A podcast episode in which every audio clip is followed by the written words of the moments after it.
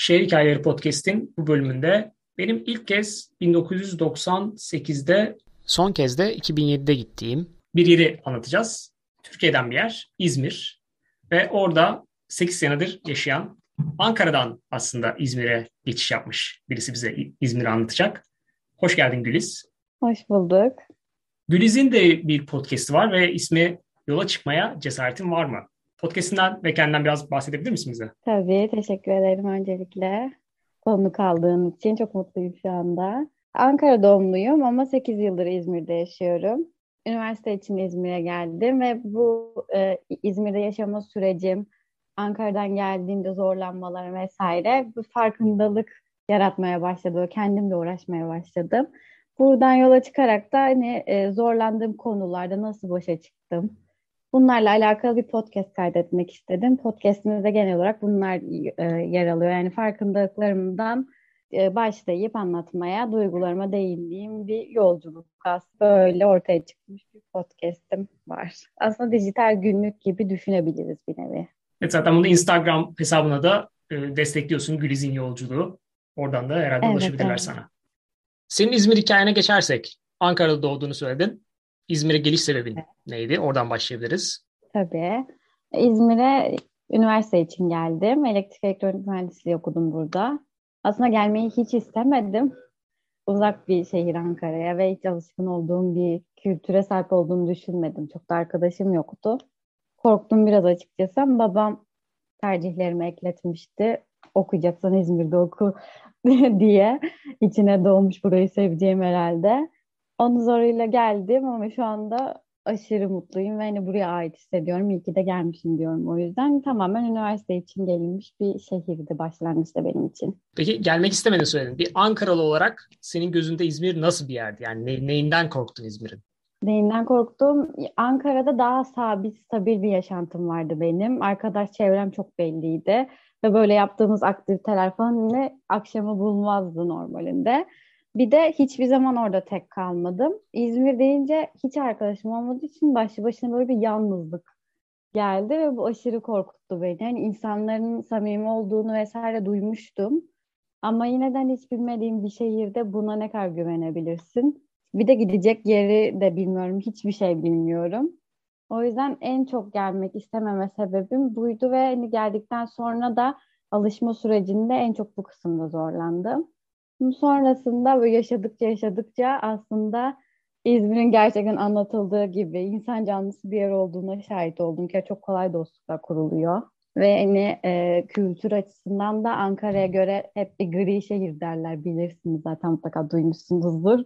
Binalardan oluşuyor gibi. İzmir'de bunun tam tersi deniz var mesela bir kere baş başına. O yüzden böyle farklılıklar olmuştu ve tamamladı bunlar. Benim sonradan aradığım şehir burasıymış aslında. Peki İzmir'e geldin. İlk geldiğin zamandan hatırladığın şeyler var mı? Çok kayboluyordum. 3 Eylül 2013 yılında ilk defa geldim İzmir'e ben. Dediğim gibi üniversite o tarihte başlıyordu. Burada normalde bir akrabamız var. Birkaç gün orada kaldıktan sonra yurda gittim. Ve hani sonrası okula bile benim okulum e, uzaktı. Bornova'da yaşadım hep. Okul Çiğli'de yani bir buçuk saatlik bir mesafe. Sürekli okula giderken farklı farklı otobüsler vardı. Ankara'da bu kadar çok yok. O yüzden sürekli kayboluyordum. Tamamen ve metro işte izban farkı nerede inip nerede aktarma yapacağım bunlar hiç kafamda oturmamıştı başlangıçta. Bornova diye bir otobüse biniyorum. Aslında Bornova'nın başka bir mahallesine gidiyor oluyor mesela. Ankara'da böyle bir şey de yok. Stabil deni bizim buralar.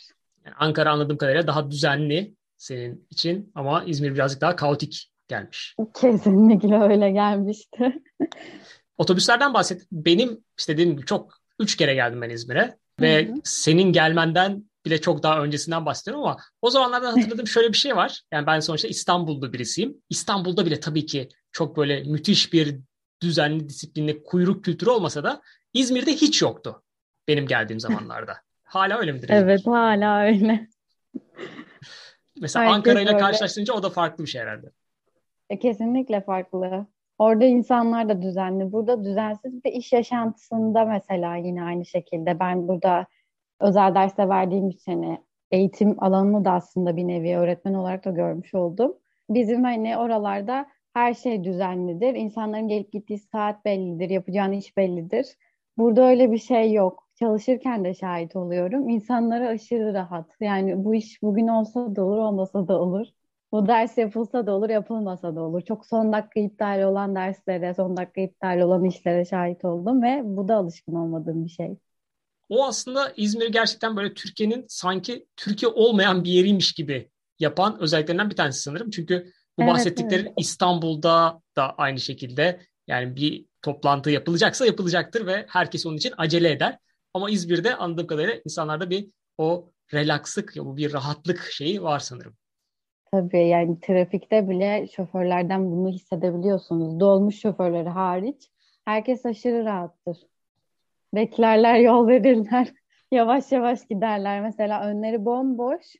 Yani, takip mesafesini korumaya çalıştıklarından falan değil aslında ama bomboş yani yavaş yavaş sürüyor. Gitmeye niyeti yok gibi. Bazen o kadar kötü oluyor gerçekten.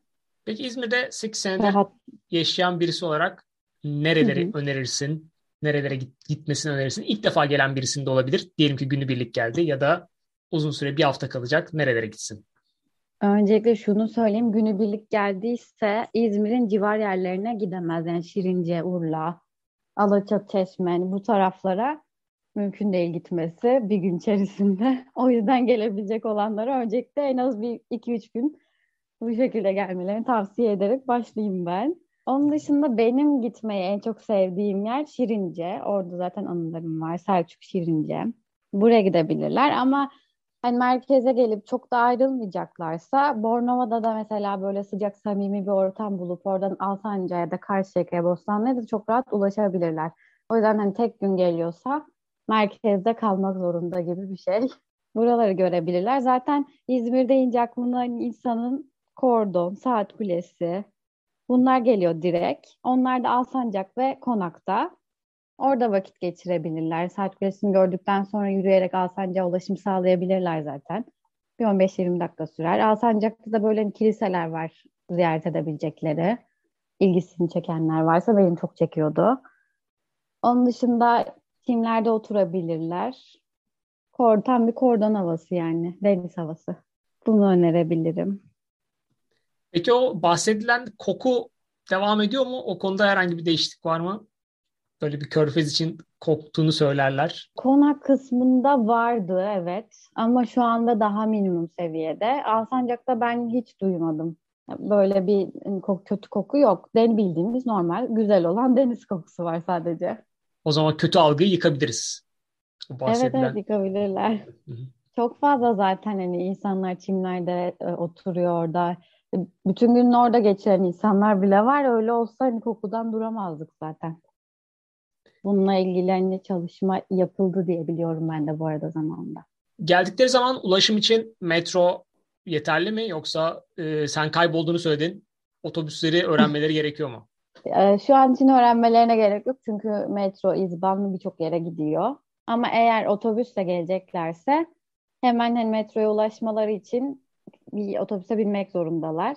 Yani şehirler arası otobüsler indikten sonra otogar Bornova'da ama bir 15 dakika içerisinde Bornova metroya ulaşım sağlayabilirler.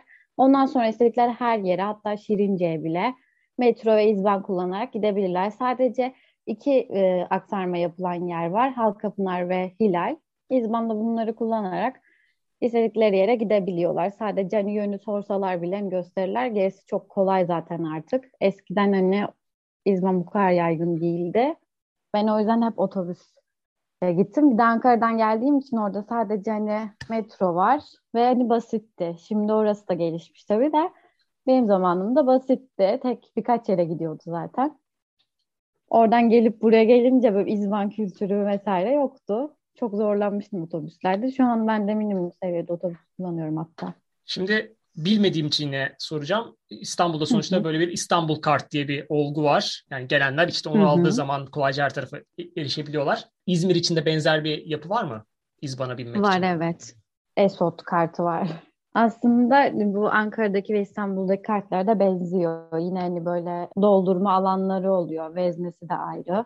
Dilerlerse direkt oradan da satın alabilirler ya da şu anda daha aktif olarak e, böyle Onlara ne deniyor ben tabii bilmiyorum ama izban doldurduğumuz bir alet var. Yani insanın durduğu ayrı veznenin haricinde. Oradan tek binişlik bile aslında kart alabiliyorlar şu anda. Eskiden kart oradan alınmıyordu. Var olan kart doldurulabiliyordu. Şimdi o konuda da çok rahat. Yani direkt gelen birisi kartını alıp makineden devam edebilir yola. Şimdi İzmir deyince tabii insanların aklına gezilecek tabii kordon ilk gelenlerden birisidir ama bir yandan da yenecek farklı şeyler de geliyor. Senin için önerebileceğin nereler olur?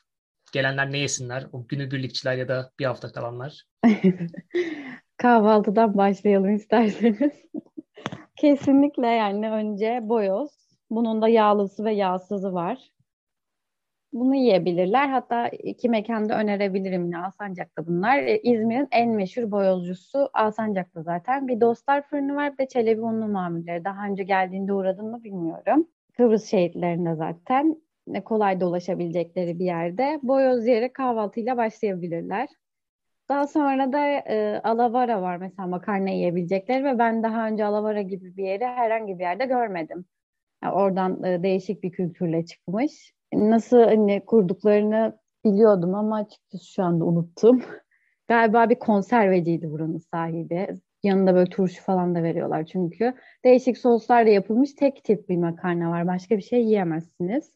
Alavara diye geçiyor. Yine Alsancak'ta da Kıbrıs şehitlerinde. Yanında hani istediğiniz her şeyle bira vesaire ve normal yerlere göre çok daha ucuzdur. O yüzden makarna da yiyebilirler gittiklerinde. Farklı bir makarna. Şimdi mesela boyoz konusuna girdiğin için Hı. Ankara'da yaşarken hiç boyoz diye bir şey duymuş muydun?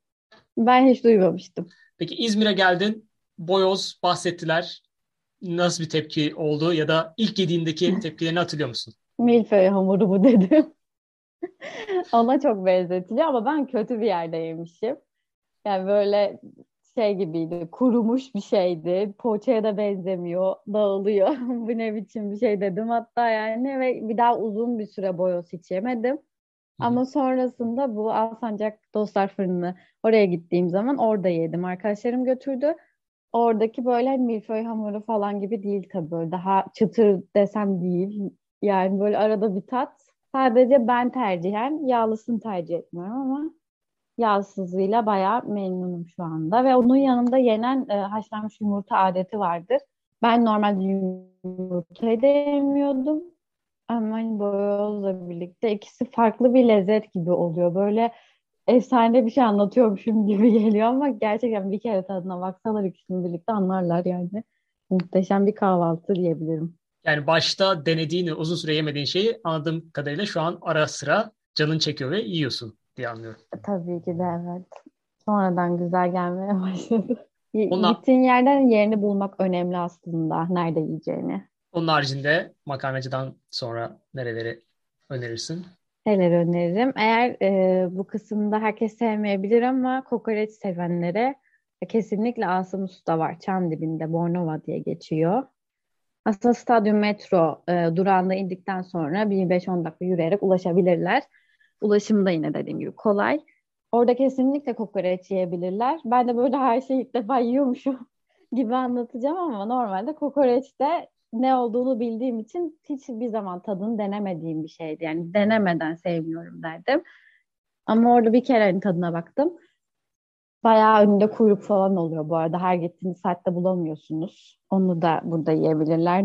Ve kokoreç de yine İzmir'de farklı bir şekilde yapılıyor bildiğim kadarıyla normalde. Farklı bir şekilde yapılıyor evet. E, diğer yerler, şehirler tam farkını bilemem ama e, bugün arkadaşımla daha e, bugün konuştuk. Başka bir yerde hani İzmir'deki bir kokoreç yemek istiyorsanız İzmir kokoreçi diye belirtmeniz gerekiyormuş. Domates falan giriyormuş sanırım başka şehirlerde içine. Burada öyle bir şey yok. Şimdi kokoreç deyince yine benim sonradan duyduğum, çünkü İstanbul'da çok yaygın değildir ama İzmir'de çok yaygınmış. Söğüş diye bir kavram var.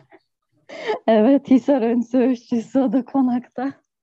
Onu da söyleyecektim. Beyin falan hani içine girdiğinde aslında yine hani insanlara garip gelebilir ama yediğin zaman yediğin şey böyle hani aşırı lokum bir et gibi oluyor. O yüzden isimlere aldırmadan bence bir denesinler derim ben. Çünkü ben de yemezdim ama şu anda del gibi yiyorum. Ve hani ara sıra canım çekiyor o derece seviyorum artık. Aslında belki Söğüş ismiyle onu daha sempatik yapmaya çalışmış olabilirler. Çünkü ismi gerçekten o dil beyin yanak olarak olsaydı belki o kadar çekici olmayabilirdi ama Söğüş'le belki onu gizlemeye çalışmışlar. evet yani ben de daha önce hani İzmir'den başka bir yerde böyle bir şey şahit olmadım. Ve beyini daha önce denem, denedim yemeği.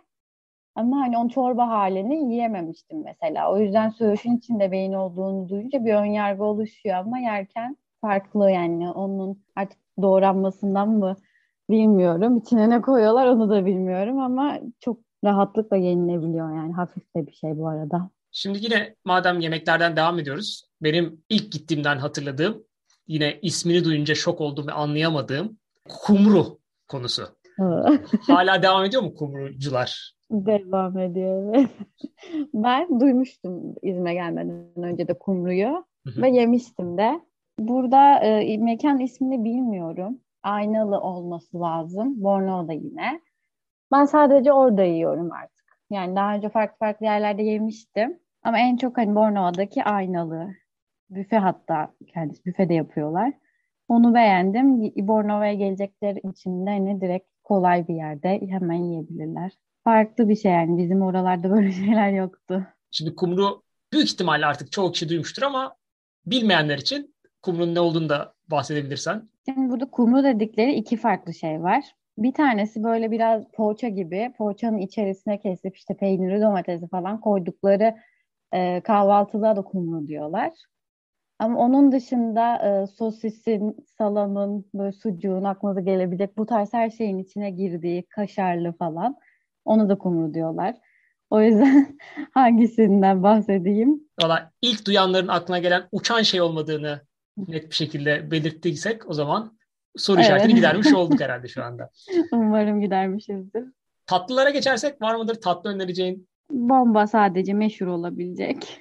Peki gerçekten o kadar popüler mi? Çünkü bir anda bildiğim kadarıyla İstanbul'da her yerde İzmir bomba tatlıcısı diye böyle bir ön plana çıkartıldı. Yani İzmir'de de gerçekten o kadar ön plana çıkan bir tatlı mı? Ön plana çıkan bir tatlı evet. Yani mutlaka özellikle bu boyoz almaya gidenler o, o günün hani sonunu devamını kahve artı boyozla kesinlikle geçirirler. Yani gidip de almadan çıkanı ben hiç şahit olmadım.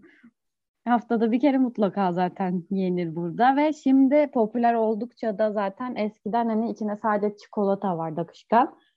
Şimdi onun böğürtlenlisini, karamellisini böyle farklı farklı çeşitlerini de çıkarttılar. Özellikle çelebi unlu mamuller bunu muhteşem yapıyor. Yine Alsancak'ta bombayı da oradan yiyebilirler. Şimdi ben bir sürü yeri sordum ama senin listende var mı hala bahsetmek istediğin bir yer? Benim listemde. Bir de e, şöyle bir alternatif olarak söylemek istemiştim. Dönerci Mehmet Usta var. Bu e, kokoreççi Asım Usta'nın hemen yan tarafında. Eğer hani kokoreçi denemeyeceklerse bu dönerci Mehmet Usta'yı deneyebilirler. Çünkü eti falan ben en son sütte beklettiğini falan duydum. Yani değişik bir marine etme yöntemi var muhtemelen onun. O yüzden ben gerçekten Ankaralıyım. Aspava'da falan da hani çok yedim. Onlar falan da benim için muhteşemdi ama burada yediğim döneri gerçekten hiçbir yerde yemedim. Bunu bütün dürüstlüğümle söyleyebilirim. Ve içinde de çok az malzeme var. Baharatlar, domates, soğan bu kadar yani. Başka hiçbir şey olmamasına rağmen bu kadar beğendiysem kesinlikle bir denesinler. Zaten genelde böyle et ustaları en az malzemeyle lezzetini alıyorsanız asıl et odur derler. Sen de anladığım kadarıyla o, ona yakın bir lezzeti elde etmişsin orada. Evet evet gerçekten. Et ustaları da çok haklı. Ama dönerci Mehmet Usta muhteşem gerçekten. Bunu da deneyebilirler. Onun dışında benim söyleyeceklerimi sen de eşlik ettin. Başka bir şey. Bir de şöyle bir şey var. Bunu şimdi aklıma geldi. Ve kokoreç falan düşününce. E, bu Halkapınar tarafından yine Özüm Ev Yemekleri diye bir yer var. Normal hepimizin bildiği ev yemekleri. Ama orada normalinden benim daha hiç görmediğim işkembeli nohut yemeği yapılıyor. Ve bu her zaman yapılan bir yemek değil orada. Denk gelirsen şanslısındır yani. Hani öğlene bile çok zor kalıyor. Onu da bana değişik gelmişti. Normalde hani yani etli nohut yemeğini falan yedik duyduk ama işkembe koyulduğunu bilmiyordum. Sen biliyor musun bilmiyorum ama. Ben de ona geçen de İstanbul'a gittiğimde o paçacıda listede menünün listesinde gördüm. Ben de kendim denemedim ama e, ilgimi çekmişti. Demek ki İzmir'de de bunu Eğer İzmir'de evet evet bu zaten söylentiye göre bunu benim e, patronum söyledi. O bilir böyle şeyleri. Yani bu İzmir'den çıkmış bir şeymiş zaten. Yani farklı yerlerde yapılıyorsa da bu kadar güzel yapılmıyordur diye Şimdi, düşünüyorum. Eğer bir gün İzmir'e gelirsen tekrar mutlaka dene. Sen de dene. Şimdi arada sen Ankaralı olarak aslında bir Aspava terimini kaçırdın. Aspava'yı da bence evet. çoğu kişi duymamıştır. İstersen bir Aspava'yı da anlat bize. Anlatayım. Aspava'da meşhur bir dönerci Ankara'da. Ve şey tam böyle üç esli bir döneri var. Yani üç eslinde farklı anlama geliyor her es. Sosları anlatıyor aslında. İçinde bir sürü farklı sos var. Ama hani tam olarak o sosun içinde ne var ya da o esler ne anlama geliyor onu ben de şu an söyleyemeyeceğim. Gittiklerinde sorabilirler. Eğer döner yiyecekseniz Ankara'da ve Ankara'ya mutlaka gidiyorsanız herkes önereceği Aspava'dır. Tam olarak o karışımı ben de bilmiyorum ama çok seviyorum. Mesela işte sipariş verirken de bu 3S olsun ya da olmasın.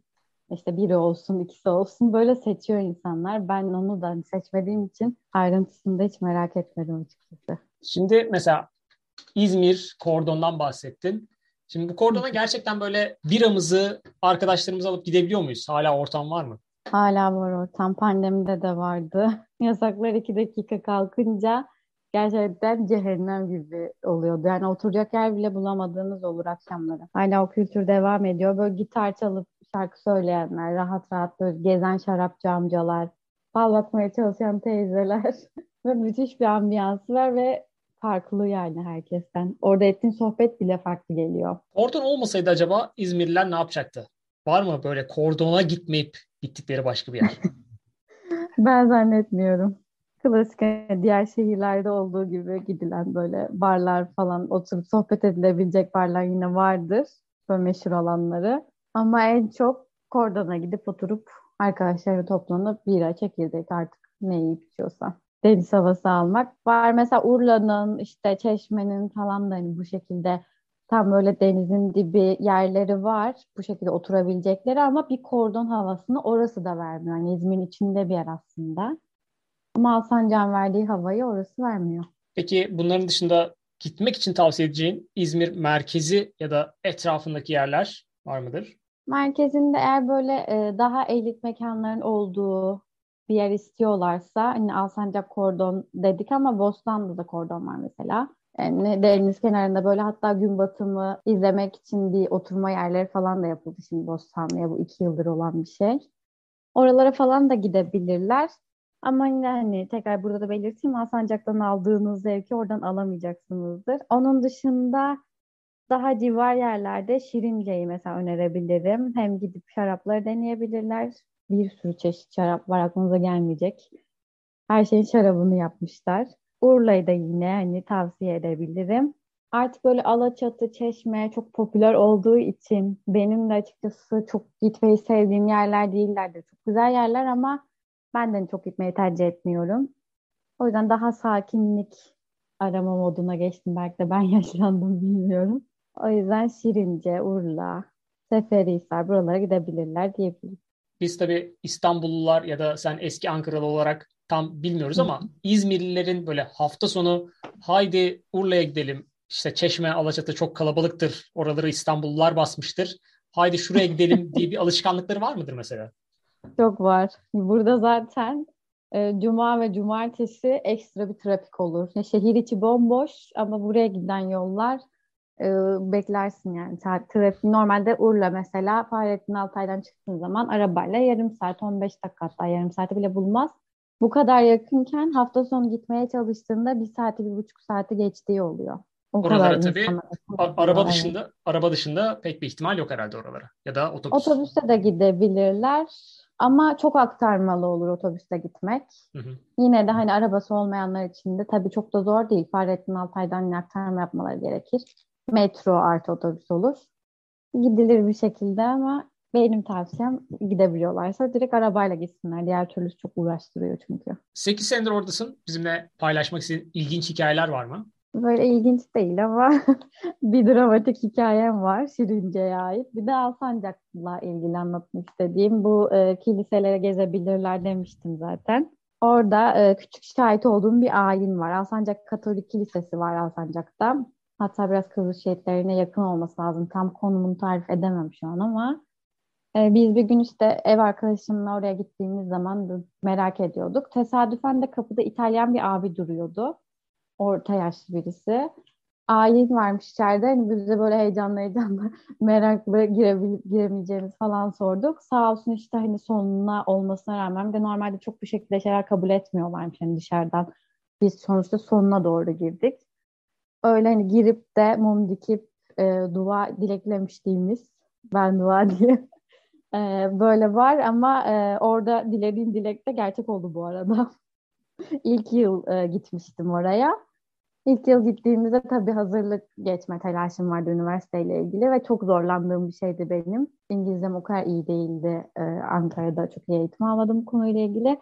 O yüzden deli gibi ben bunu geçmek istiyordum. Belki denk gelmiştir, belki de bilmiyorum. Mum diktiğim için kabul olmuştur. Bu şekilde hazırlığı geçtim bir anda. Bana sürpriz olmuştu. O zaman İtalyan abiye Ama... teşekkür ediyoruz sizi içeri aldığı evet, için. Evet evet hep, hep teşekkür ederim. Ha, şu anda hani son zamanlarda iki yıl önce falan tekrar gitmiştim ama görmedim onu orada. Hala duruyorsa ve ben bilmiyorsam. Teşekkür ederim tabii. Bir de Şirince'de, aslında Şirince değil de Selçuk'ta, ben de bu ikisini böyle çok yakın yerler diye bazen anlatırken karıştırıyorum. Selçuk'ta Efes Antik Kenti'nin oralarda biz işte yine ev arkadaşımla o zaman da çalışmaya gitmiştik. E, anket yapmaya gitmiştik Selçuk ve Şirince'de. Anket yaptık, bitirdik ama çok erken bitirmişiz. Erken bitirdikten sonra hani buraya kadar gelmişken daha önce gidip gezmiştik ama bir kez daha gezelim. Oradan da Şirince'ye gidip işte e, şarapları deneyip yemek yeriz falan diye düşünüyorduk. Böyle gezerken küçük böyle bir şey kayalık gibi şeyler çok var zaten Selçuk'ta. Onun dibinde küçücük bir tane kedi yavrusu gördük. Ama böyle şey gibiydi resmen titriyordu. Ve artık hani gözünden falan böyle buralar biraz kötü de kaçabiliyor ama intihap falan akıyordu artık. Böyle bir hikayemiz var ve böyle e, kediyi oradan alıp İzmir'e getirip bir şekilde böyle kivi taşıyan bir kamyonla gelmiştik mesela. O yüzden adı kividir. Yani nasıl telaşlı olduğumuzu siz düşünün artık. Yani otobüs, izban, dönüş yolu bunları düşünmeden direkt otostopla döndük. E, kivi veterinere yetiştirdik. Ve hani bir hafta kadar falan uğraştığımız bir süreç oldu. Sonrasında hani şu anda kaç yaşında kivi? 3 yaşında falan. Bayağı da sağlıklı maşallah.